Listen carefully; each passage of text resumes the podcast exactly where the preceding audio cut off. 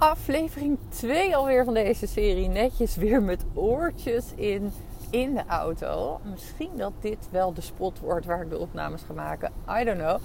Uh, gisteren heb ik dus alweer een dag geskipt. Dan zou je denken, lekker gefaald Milou. Eigenlijk wel, maar het zat dus gewoon nog niet in mijn systeem. Wat we vaak doen als we iets met onszelf afspreken. Van nou, nu ga ik een reeks maken. Proberen elke dag te podcasten. En er, ja, in het begin val je daar eigenlijk in. Of het lukt een keertje niet. Dan um, zijn we over het algemeen geneigd om te zeggen: Oké, dit werkt niet.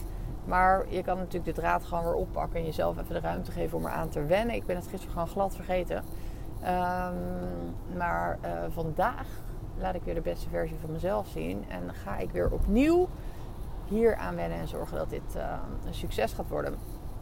Ik rij nu en ik hoop dat je niet te veel last hebt van de ruitenwissers in de regen.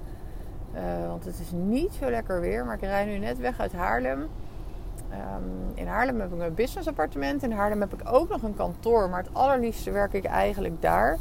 En zeker ook uh, met mijn coachklanten. Dus, uh, die ik één op één begeleid. Die hebben hun live dagen daar. Dus vandaag was ik met een klant daar in het appartement om haar halfjaartraject af te trappen. Ontzettend leuk. Ik heb genoten van haar van het niveau waarop ze kan denken. En ja, eigenlijk heb ik heel veel zin in de komende zes maanden en waar we gaan komen. Prachtige eerste inzichten, veel vertrouwen heb ik erin. En ik heb genoten van de lunch ook, want in de stad, jongens, is toch wel even next level wat je daar allemaal kan orderen. En wij wonen dan in een uh, plek vlak naast Haarlem. En als je daar het assortiment ziet op een thuisbezorgd of een delivery, komt daar niet eens en een Uber Eats was gewoon om te janken eigenlijk vergeleken met in de stad. Dus um, ja, ik zou niet meer echt in de stad willen wonen, maar voor de eten wel eerlijk gezegd. Dus dat zou wel geweldig zijn.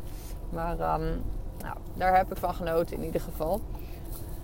Uh, vandaag wilde ik het natuurlijk niet hebben over mijn appartement met jullie, maar wel over iets anders wat echt mega belangrijk is voor iedere ondernemer om te beseffen. En wat je enorm veel rust gaat geven als je dat, um, ja, dat gewoon echt gaat uitvoeren en daarmee aan de slag gaat. En dat is het volgende. We zijn geneigd om onszelf heel veel tijdsdruk op te leggen. We zijn geneigd om op het moment dat we iets in de wereld zetten, qua dienst of product of qua bedrijf of uh, qua nieuwe richting die je op wil gaan, om dat dan even de kans te geven. En dan heel snel te denken van weet je, dit, uh, dit wordt hem niet. Ik ga iets anders bedenken. Of ik ga iets veranderen aan wat ik had bedacht. Dus mijn prijzen veranderen. Of ik ga mijn website veranderen. Of ik ga mijn boodschap veranderen. Of ik ga mijn tone of voice veranderen. En we springen dan eigenlijk alle kanten op. En zeker op het moment dat je zichtbaar bent, moet je daar heel erg mee oppassen. Want dat bedoel ik dus niet te zeggen dat als iets niet goed voelt voor jou, dat je niet mag switchen. Maar dan moet het ook echt zo zijn dat het niet goed voelt en dat jij absoluut iets anders wil doen. Want op het moment dat het niet goed voelt omdat het niet snel genoeg gaat of omdat het nog geen klanten oplevert of dat soort dingen, dan is het niet handig om constant te switchen. En hoewel je misschien zelf denkt van, nou mensen hebben dat toch niet door, mensen hebben dat wel door. En het allerbelangrijkste is om je te beseffen dat het succes wat je behaalt met een bepaalde boodschap absoluut verscholen zit in het feit dat die boodschap zich lang genoeg en op de juiste manier en misschien wel op een steeds beter wordende manier herhaalt bij mensen. En je ontneemt mensen de kans om die boodschap echt te laten landen of om jouw product echt te laten landen. Je ontneemt jezelf absoluut de kans om het een succes te maken op het moment dat je het niet de tijd geeft. Het is heel belangrijk dat je als ondernemer tijd hebt en tijd geeft aan wat je in de wereld wil zetten. Mensen moeten eraan wennen, jij moet eraan wennen, de energie moet eraan wennen. Alles eromheen heeft tijd nodig. En dan kan je zeggen, ja, die tijd heb ik niet, want ik moet nu leven. Ja, zorg dan dat je iets anders doet, waardoor je gewoon zuurstof hebt, als het ware. Dat je gewoon een, eh, een minimum binnenhaalt ergens uit.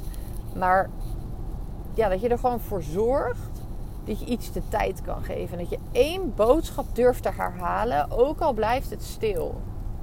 Dus als je echt ergens voor staat met je dienst of product, en je hebt daar een boodschap die je overbrengt om aan klanten te komen, blijf die boodschap dan alsjeblieft eens een jaar herhalen.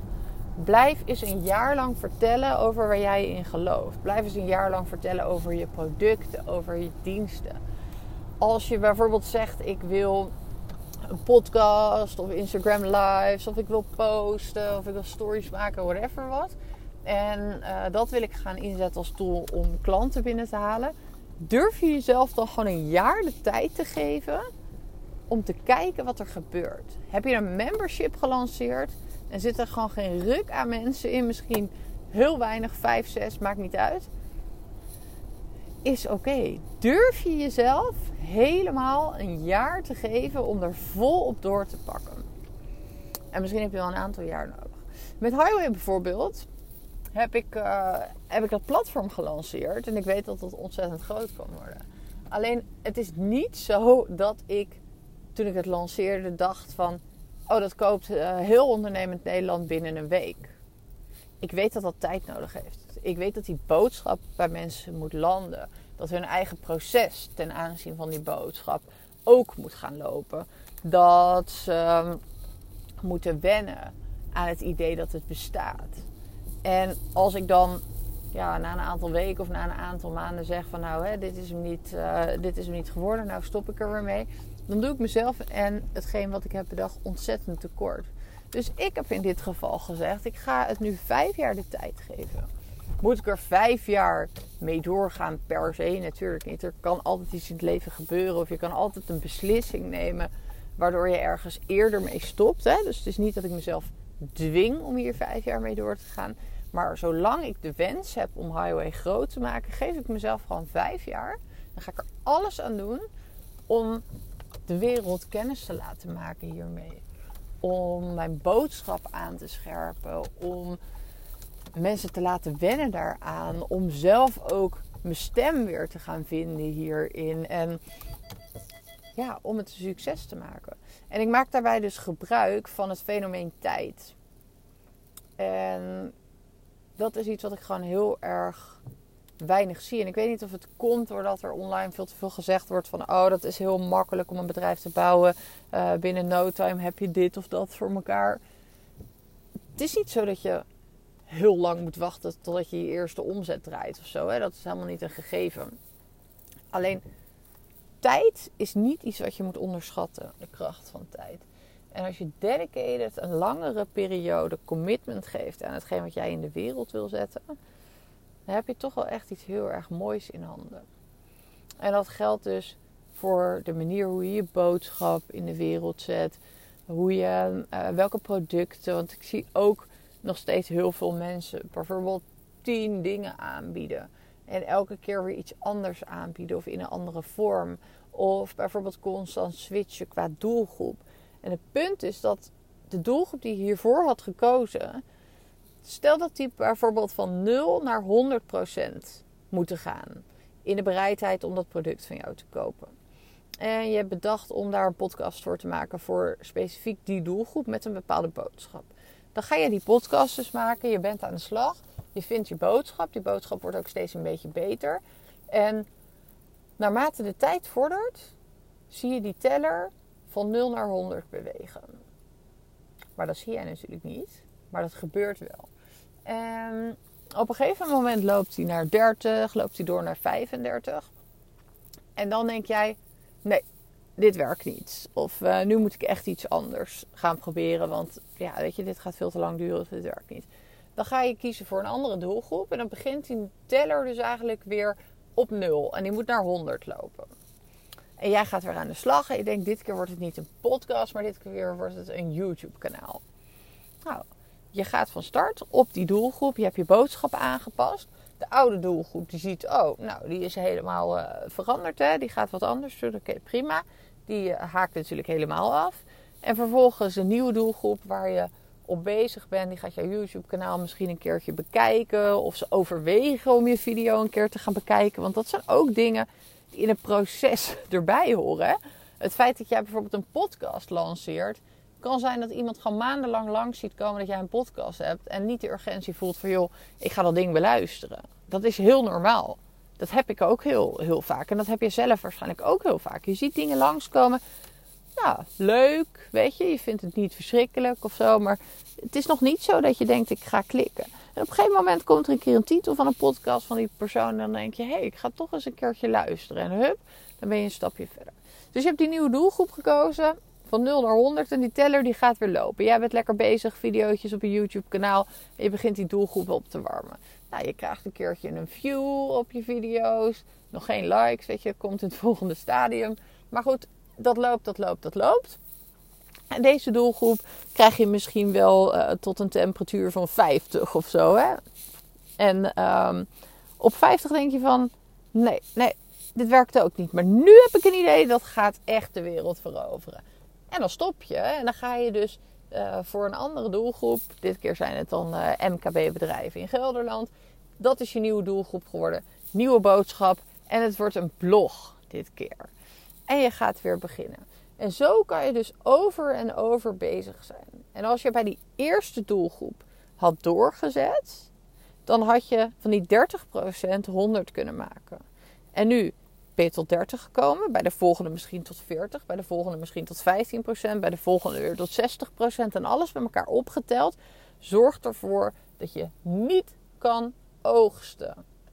Dus je blijft zaaien, je kan niet oogsten. Het gaat gewoon niet lukken, omdat je elke keer te vroeg stopt. En dat is iets wat heel veel ondernemers hebben en waar heel veel ondernemers in tuinen. Um, wat ontzettend zonde is. En het is moeilijk, het is confronterend. Het voelt misschien in eerste instantie als een afwijzing, alsof het niet lukt, alsof het mislukt. Maar als je jezelf nou gewoon in gedachten houdt dat ja, die, die meter, zonder dat jij het ziet, aan het lopen is. Hè? Visualiseer dat eens dat de mensen op wie jij je richt, dat daar die meter is begonnen met lopen. Dan wordt het in één keer veel minder stil. Of dan voelt het in één keer veel minder alsof er niks gebeurt, alsof, of, of alsof het niet lukt. Maar dan geef je jezelf gewoon de tijd en de ruimte om er echt iets van te maken. En op een gegeven moment kan je natuurlijk conclusies trekken dat iets niet werkt. Maar in eerste instantie heeft het echt de tijd nodig om te landen. Geef jezelf die tijd. Gun je business die tijd. En kijk hoe je jezelf in die tijd het beste kunt begeleiden. Dus misschien dat je met andere ondernemers kan spreken hierover. Dat je kan kijken van hoe is het bij hun gelukt. Dat, dat helpt altijd. Als je kijkt naar ondernemers bij wie het is gelukt en je gaat uitvragen of je gaat bekijken of hun verhaal, of ze dat ergens verteld hebben of dat je het kan vragen hoe het is begonnen, dan kan het zijn dat je dingen van je eigen proces herkent. Dat je denkt, oh, bij mij was het eerste half jaar gebeurde er dit en daarna gebeurde er dat. En toen zus, hey, dat, dat lijkt een beetje op mijn eigen proces. En dat helpt uiteindelijk. Want als je met ondernemers gaat spreken die een hele hoop meer hebben bereikt dan jijzelf. En je vraagt hoe dat is gegaan. Dan is jouw pad waarschijnlijk helemaal zo gek nog niet. Dan kies je misschien wel veel liever voor jouw eigen pad dan voor het pad van die persoon. Terwijl je in eerste instantie denkt, oh dat wil ik hebben en geef mij dat pakket. Maar als je het pakket echt zou moeten doorleven, van iemand met een succesvolle business, dan zou het best wel eens kunnen zijn dat je nog drie keer nadenkt en dat je daar gewoon voor bedankt. Dat alle shit waar iemand doorheen is gegaan, dat je dat helemaal niet op kan brengen of helemaal niet op wil brengen. Of misschien kan je het wel opbrengen en wil je het wel opbrengen, maar helpt het je om te beseffen dat het erbij hoort en dat het oké is en dat het normaal is waar je je nu bevindt en dat het logisch is dat je hier nu staat en dat je daar doorheen gaat. En niet ieder pad is hetzelfde. Dus je kan niet zeggen van nou, het kost altijd twee jaar. Of, het, of altijd na zeven maanden gebeurt er dit. Hangt helemaal af. Doelgroep, propositie, wie ben jij, waar sta jij. Alles uh, wat je maar kan bedenken heeft er natuurlijk invloed op. Maar het globale proces kan best wel eens op elkaar lijken. Um, dus kijk daarnaar. Wat is een realistisch proces? Wat is, een, ja, wat is een realistisch beeld wat ik kan vormen over hoe ik mijn bedrijf succesvol kan maken? En daar um, ja, kan je denk ik wel veel steun uithalen en veel motivatie om het ook tot een succes te brengen. Zorg dat je echt de harde stress bij jezelf weghaalt. Dus dat je natuurlijk niet in de schulden komt omdat het niet loopt. Maar dat je het wel zo inricht dat, dat, uh, ja, dat je dat voor elkaar krijgt. Dat je je kosten laag houdt. Eigenlijk uh, zijn dat belangrijke dingen. Dus tijd, maak gebruik van de magie van tijd, is mijn absolute boodschap voor deze podcast. Ik hoop dat je er wat mee kan. Luister vooral de volgende keer weer. Ik ga na het weekend weer podcasten. En misschien dat ik zondag al wel een podcast opneem. En anders komt die maandag. Um, over hoe mijn familieweekend uh, was. Familieweekend, familieopstellingenweekend bedoel ik of course. Hoe dat is gelopen ga ik jullie over bijpraten na het weekend. Ik denk dat er een hele hoop te vertellen valt. Um, al kan het ook een kwetsbaar proces zijn. Dus ik moet altijd kijken waar ik me bevind en wat ik daar, uh, daarover wil delen. Maar dat maakt niet uit. Jullie zeker even een update geven. Volgende week staat er ook een hele hoop leuks op de planning business-wise. Dus dan ga ik jullie ook even eh, bijkletsen daarover. Ook over mijn gedachten. Hoe ik met Highway door wil pakken. Wel of geen investeerder enzovoort. Dat komt volgende week. Ik ga nu lekker uh, voorbereidingen treffen. Kindjes halen en zorgen dat wij onder de pannen komen bij mijn ouders. Zodat morgen het festijn weer verder kan. Thanks dat je er was. Tot de volgende keer.